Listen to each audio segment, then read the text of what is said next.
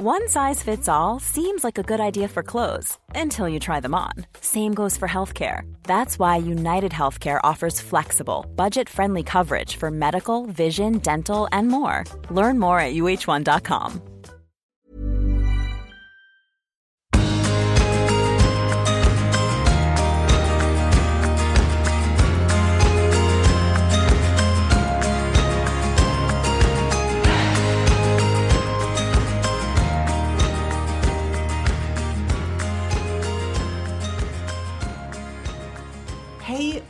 velkommen inn til Du er unik-podden. Og jeg er Unni, og i dag så Ja, her har jeg sittet og filosofert egentlig noen dager nå, så nå måtte jeg bare spille inn denne episoden som jeg har sittet og notert ned og filosofert over. Og den episoden i dag, det handler om det gode og det onde. Og i alle eventyr så kjemper jo det gode mot det onde. Og sånn er det jo i det virkelige livet også. Jeg tror at vi alle har det i oss å være ond. Jeg ser for meg den her lille jævelen på den ene skuldra, og så en sånn liten engel på den andre skuldra som forteller oss hva vi skal gjøre og ikke gjøre. Og det er en evig dragkamp mellom de her toene. da. Eller en annen metafor som jeg syns er så bra. Og den skal jeg lese opp til deg nå.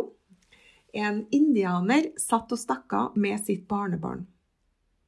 Han sa i alle menneskers hjerte er det to ulver som slåss. Den ene er ond, den er sint, truende, misunnelig, sorgtung, arrogant, selvopptatt, overlegen, full av løgn og egoisme. Den andre er god.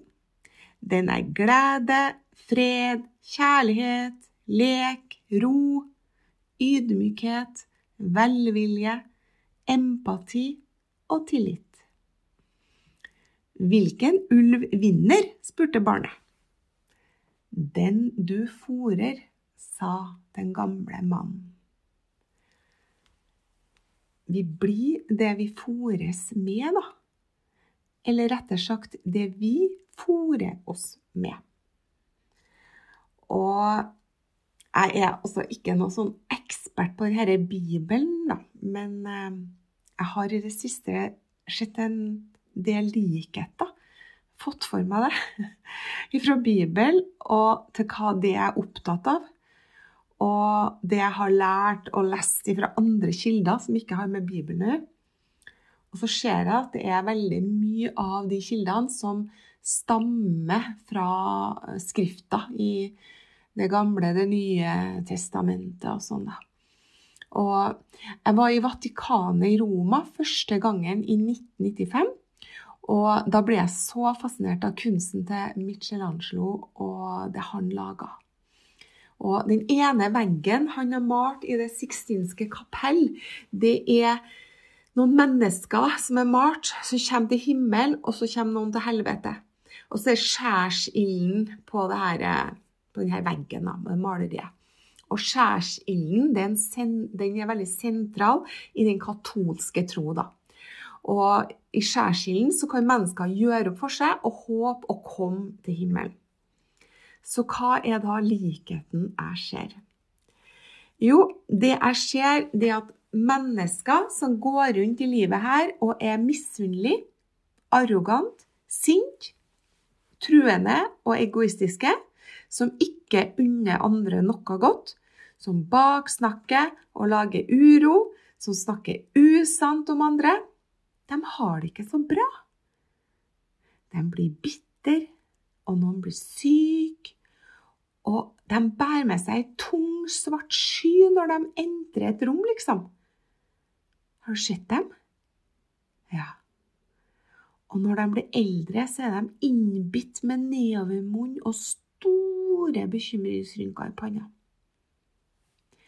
Og de får ofte med seg noen på sine meninger og tanker på sin vei, da. Og dette er ofte mennesker som trenger noen som, som ser dem og hører dem, og ikke har det så bra i livet. Og da er det jo veldig deilig å høre slarv om andre og være en del av noe.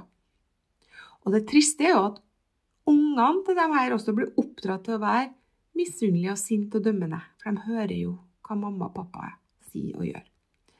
Så de her menneskene de feil ulv hele tida, og ulven den blir bare større og sterkere for hvert år som går.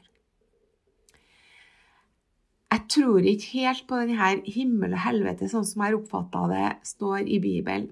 Men jeg tror at vi skaper vårt eget helvete og vår egen himmel med hvordan vi tar det som skjer med oss, inn i livet. Hvordan vi tenker om, oss sjøl, og hva vi tenker om andre mennesker. Jeg tror vi alle har fe eh, fôra feil ulv i livet vårt. Jeg har i hvert fall gjort det. Min ulv har vært stappmett innimellom. For det er så lett å skylde på andre for hvordan vi har det, og det er lett å bli sjalu når vi ser og opplever andre sitt i gåsehudet perfekte liv. Og spesielt når vi sitter langt nedi et hull og lurer på hvordan vi skal komme oss opp og ut av det hullet. Så hva skal vi gjøre for å snu dette her? Det å ikke fòre denne ulven som ikke skal ha mat. Jeg snakker jo mye om tankens kraft og det å designe sitt eget liv. Og alt det jeg har plukka opp i det her moderne livet om det, da. Men det her er liksom ikke noe nytt. Det å, at vi må slutte fred med oss sjøl og andre. Igjen så ser jeg på de her parallellene til Bibelen, da. Og jeg måtte finne frem eh, det her, I Det nye testamentet så er det eh, romerbrevet. Og der står det, skal jeg lese dere, jeg syns det er så bra. Bli ikke overvunnet av det onde, men overvinn det onde med det gode. Mm -hmm. Da er det de to ulvene, da. La ikke din uvenns ondskap overvinne deg, så du også blir ond. Men overvinn hans ondskap med din uavlatelige kjærlighet, slik at du forvandler ham til din venn. Hvis du blir liggende i hat og hevnlyst, da er du overvunnet av det onde, i parentes. Og da av et, eh, og da av et dobbelt onde, det onde i din uvenn har slått seg sammen med det onde i ditt eget hjerte for å friste deg til hat og hevnlyst. Og de har vunnet over deg når du unnskylder din egen ondskap og ikke vil tilgi, elske og gjøre din neste alt godt. Når du da er overvunnet av det onde, da er du også dobbelt ulykkelig. Ikke nok med at du ligger i hat og uvennskap med ditt medmenneske, det er jo i seg selv en fredløs og ulykkelig tilstand. Hvis du blir liggende i hat og hevnlyst Altså, hvis du blir liggende i hat og hevnlyst Det er ganske eh, Jeg tenker paralleller med det som jeg snakker mye om. da. Det her å tilgi og eh, få det godt med seg sjøl og se det gode i alle. og ja. Og hva er det som får meg til å sitte her nå og filosofere over det her, da? Eh, det kom til meg i denne uka her eh, etter ei hendelse som jeg hadde grua meg veldig mye til. Og det var en rettssak. Det å bli stevna inn til en rettssak, det er veldig ubehagelig, og det vet sikkert du som kanskje har blitt det en gang. Og grunnen til at vi måtte i en rettssak nå, det var at vi solgte det drømmehuset mitt, da, som nå etter hvert eh, kanskje har blitt huset, huset fra helvete, jeg vet ikke. Men i hvert fall et hus som jeg kjøpte i 2009, og det var drømmen min. Eh, det solgte vi her nå. og det her var jo et hus som jeg trodde jeg skulle bli gammel i, og huset som jeg elska, og etter hvert nå ble det et mareritt. da. Og det starta med en nabo som bestemte seg for å klage på alt. Og da mener jeg alt, altså. Han anmeldte meg til kommunen eh, om eh, altså, et sånn sånn veldig usaklig brev. Eh, jeg tok over det huset etter det ble slutt mellom meg og eksen min, så var jeg alene i huset der og um, skjøta det over på meg. Og så kom det et brev da, året etterpå fra kommunen, der denne naboen da hadde anmeldt meg for eh, at jeg oppbevarte eh, sånne leieboliger i en bunker, så at det var brannfarlig. Eh, at, eh, at det her, her eh, bygginga som hadde foregått for eh, tre år siden, det var sikkert utført av østeuropeiske løsarbeidere.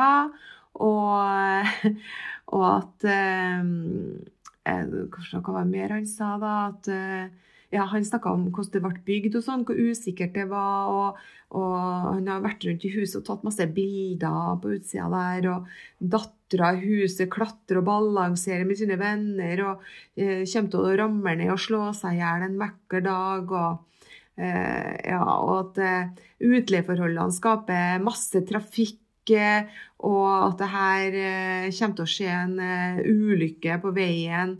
Ikke, det kommer, ikke om det skjer, men når det skjer, osv., osv. Og så hadde han eh, så sier han hva med økonomien i det her? Hvor kommer pengene til denne massive ombyggingen fra? De driver med salg av Herbalife-produkter, og det er hevet over enhver tvil at dette må være meget lønnsomt. Og, og, så fortsatte jeg, og så fortsatte jeg. Og, og, han eh, Så skrev han også da at uh, han begynte å regne. Jeg satte opp et regnestykke på hva jeg tjente på de hyblene som jeg hadde i kjelleren. Og at det her uh, måtte jo Rart om ikke det her skulle være beskatta som næringsinntekter. Uh, og, og, at det her bør sendes over til skatteetaten og sjekkes ut, da. Og så ber han da Trondheim kommune sjekke ut denne eh, saken da, og ja og, du, du, aner ikke. Og når jeg fikk det brevet her, så var jeg så redd at jeg ringte rett til hun som hadde underskrevet brevet i kommunen, og bare hadde hjertebank og sa hva, hva, skal jeg gjøre nå? Jeg har overtatt et hus fra eksen min, og så får jeg det brevet her, og det her er så mye jeg ikke vet noe om, og så er det så mye usaklig. Og så sier hun at eh, du, vi ser gjennom fingrene på mesteparten av det som står her, selvfølgelig, men hvis det er noe her som må ordnes, så må vi selvfølgelig hjelpe deg å få ordna opp i det. Så jeg bare uh, slappa helt av. um, ja, og jeg fikk jo etter hvert ordna opp i det jeg måtte ordne med alt det her tullet, og etter hvert så drømte vi om å gjøre om det her huset til tre leiligheter, og så skulle vi bo i den øverste sjøl, da. Eh, og da hadde jeg jo truffet Geir, og jeg husker han sa til meg en dag Unni, skal du rive det gamle huset? Og jeg bare herregud, huset mitt, drømmehuset mitt, du kan ikke si sånt. Men eh, jeg syns jo at ideen var god etter hvert, for huset begynte jo virkelig å bli gammelt og trengte masse rehabilitering.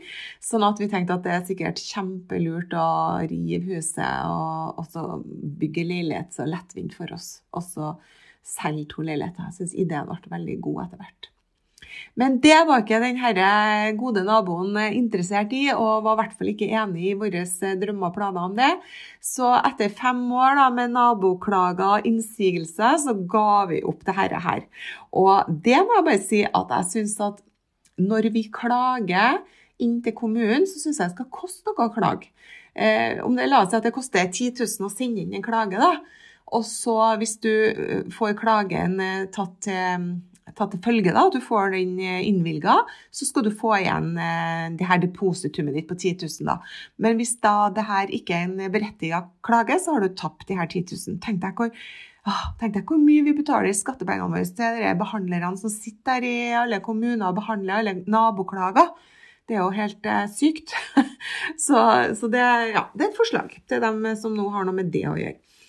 Men i hvert fall, eh, jeg kjente jo det at denne dårlige energien, det kan ikke vi bo i nærheten av. Jeg bare jeg prøvde alt jeg kunne å, å være positiv og sende eh, masse gode energier til han, at han ikke skulle være så redd for dette her, at det skulle bli bra og sånn, men det, var, det gikk ikke. Så vi leide ut huset, og vi flytta. Og det var fire søte jenter som bodde i første runde. Og det òg, vet du. Den ene jenta hun hadde en eks, da. En eksgutt som en dag ringte politiet og sa at han hadde forskansa seg i huset med et våpen. Og vi var ute og reiste, og når vi lander på Værnes, så var det på førstesida på nettadressa. Eh, bilde av huset. Politiet med våpen som sto utafor huset, og hadde forskansa seg utafor huset. Og hvem tror dere som tar bilde av dette her? Politiet med eh, våpen som står ut og skal ha ut da, de her leieboerne fra, fra, huset mitt.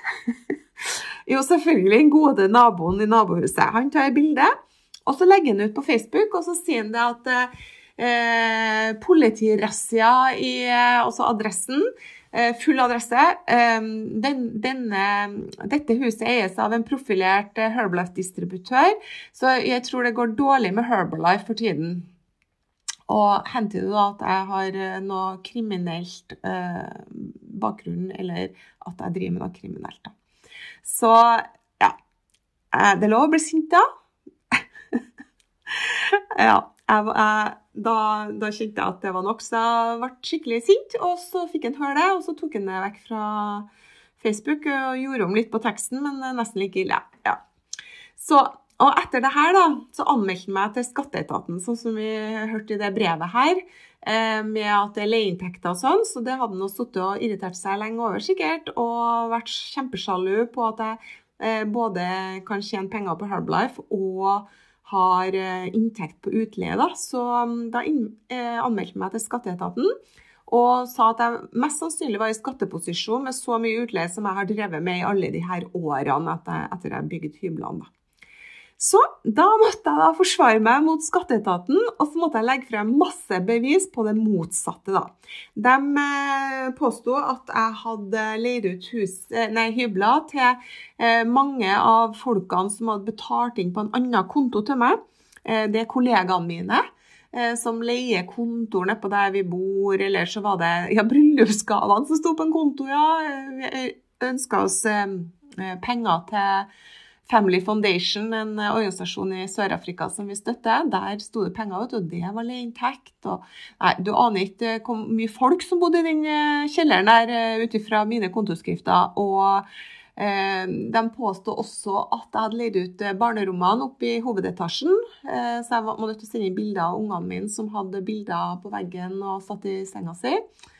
Eh, de anmeldte meg for eh, skatteetaten. De har sånn skjønnsvurdering. De sa også at eh, nei, vi har sjekka at i Trondheim så var det faktisk hybler på samme størrelse som ble leid ut for litt mer, så vi tror du har tatt svartpenger over det du har fått inn på kontoen. Så da måtte jeg da snakke med noen av hybelboerne og om de kunne vitne på at, jeg, at de bare hadde betalt det de hadde betalt, osv. Du aner ikke. Du aner ikke. De ga seg ikke. og Så for to år siden så stevna jeg skatteetaten og møtte dem i retten. to år siden. Det er ett år siden jeg møtte dem i retten. Eh, jeg vant hele saken og fikk alle mine saksomkostninger tilbake. Og tenkte jeg det, det var Goliat, altså. Mot, mot Goliat. Og det, jeg var så nervøs at jeg tror jeg skulle Ja. Men heldigvis eh, så hadde jeg rett, og skatteetaten hadde tatt feil, så Og jeg tenker på det Tenk deg hvor mange skatteetaten beskylder for sånne uriktige ting. Eh, det er masse saker som eh, skatteetaten eh, kan, de har et skjønnsvurdering. Da. De kan bare si at ja, jeg tror at du har f.eks. leid ut barneroman, ergo så havner du i skatteposisjon. Og så må, må jeg motbevise det. da, sånn at hvis du, hvis, du, hvis du, dreper noen, så er du uskyldig til det til motsatte er bevist. Men hvis du får skatteetaten mot deg, så er det skiltring til du har klart å motbevise det. Er ikke det ganske sjukt? Og jeg skulle egentlig ha ja, jeg tenker hvor mange, jeg er ressurssterk og klarer å stå imot, men tenk deg alle dem som brekker ryggen på det her og ikke klarer å stå imot, og som eh, må gå fra gård og grunn fordi at de ikke klarer å gjøre opp noe som kanskje er uriktig. Da. OK, det var dagens, dagens uh, appell. Um, jeg må tilbake til denne uka her, da. For parallellen da, er jo altså det er spøkelsene fra fortida som da igjen nå dukka opp i uka her. Um, jeg har noen som jeg kaller læremestrene mine. Det er dem som lærer meg å bli snillere, da. Og lærer meg tilgivelse, lærer meg å ikke hate, lærer meg å se det beste i alle. Og tre av dem eh, kom i uka her. Den ene i form av at jeg fant noe kopierte noe brev som, eh, som lå i noen papirer som jeg drev og leita i. Og bare sånn Det var den historien, ja. Mm -hmm. eh, og så kom to inn i denne rettssaken. For denne kjøperen av huset har blitt, han har jo blitt kompis med naboen fra helvete. Og vi fikk krav på krav fra den nye kjøperen av huset, og han mente at vi skulle betale her. Og én ting så vi jo at vi burde dekke, da. Det var en feilopplysning fra oss, da. Eh, men resten, det mente vi var feil, og ikke å blame oss for, da. Og det var litt vittig òg, da, for at eh, jeg tok og sendte en mail til en av dem som eh, visste hvordan For det var noen spørsmål om grunnmur og sånn, og så kan jo ikke jeg svare det. Jeg har jo ikke peiling om dere arbeiderne og hva de het og hva de gjorde eller noe. Så sendte jeg en mail til en som hadde litt peiling. Og så får jeg svar fra han, og så videresender jeg til megleren, som ergo da gir det til den nye kjøperen før han kjøper huset. Og der sto det en setning. Eh, grunnmuren er understøpt og forsterket i alle hjørner. Og så les motparten. Grunnmuren er understøpt og forsterket i alle hjørner. Men grunnmuren var ikke understøpt. Den var bare understøpt og, og, og forsterka i alle hjørner. Tenk deg.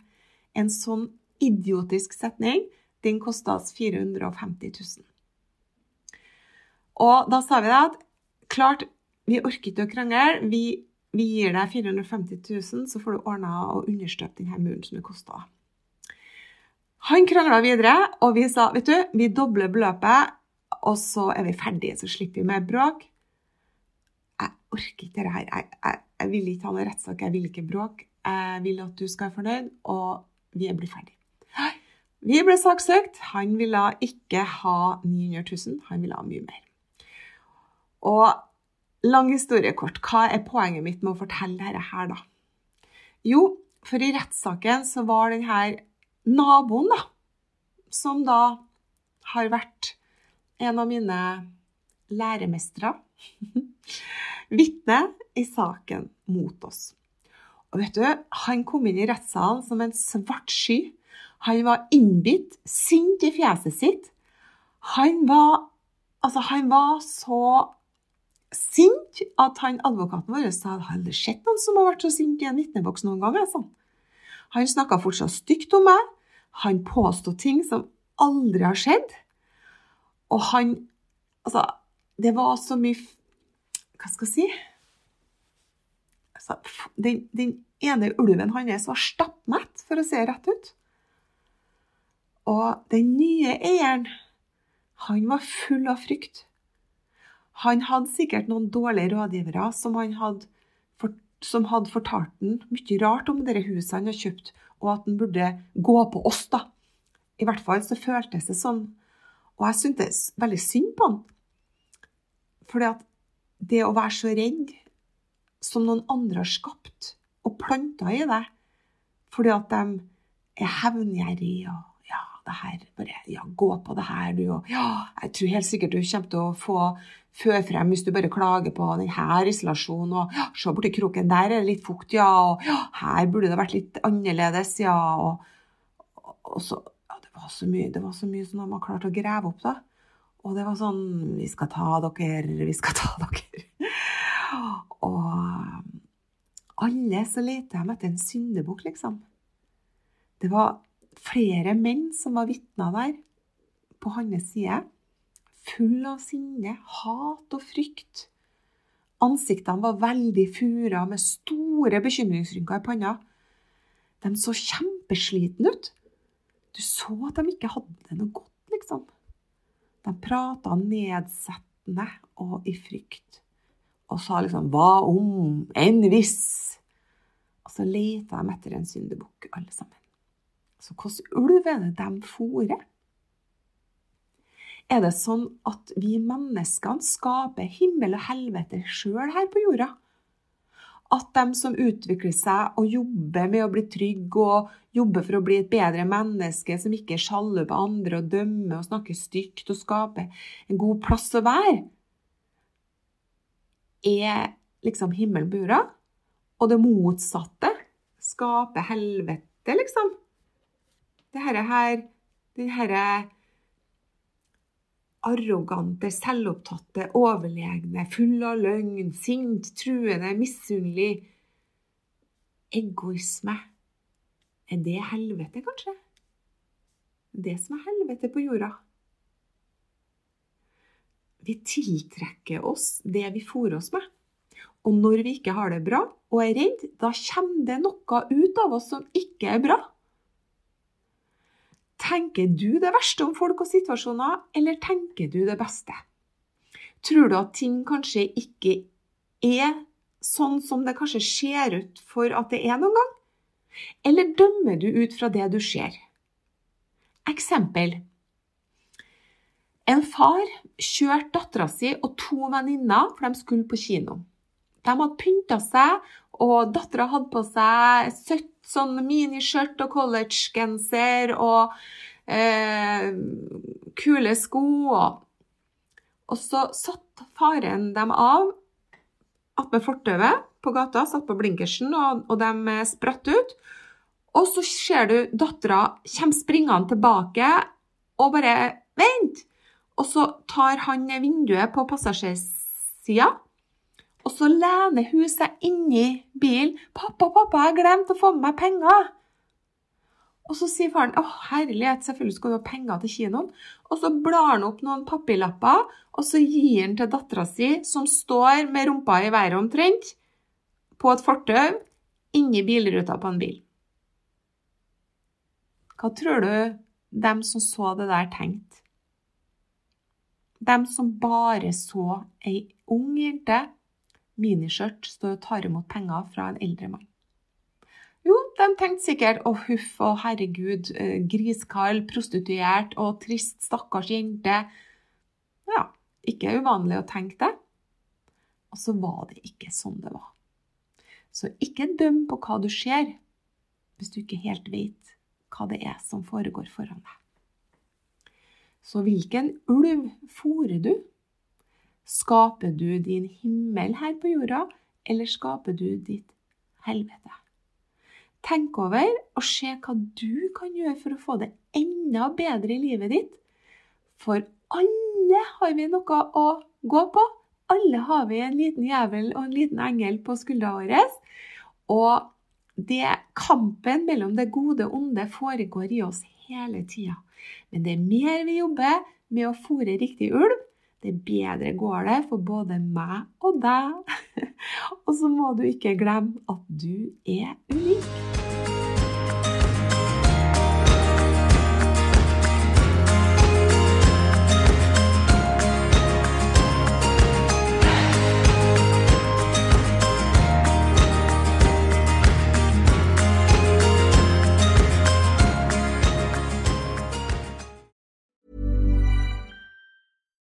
When we're on a budget, we still deserve nice things. Quince is a place to scoop up stunning high-end goods for 50 to 80% less than similar brands. They have buttery soft cashmere sweaters starting at $50, luxurious Italian leather bags, and so much more. Plus, Quince only works with factories that use safe, ethical, and responsible manufacturing. Get the high-end goods you'll love without the high price tag with Quince. Go to quince.com/style for free shipping and 365-day returns.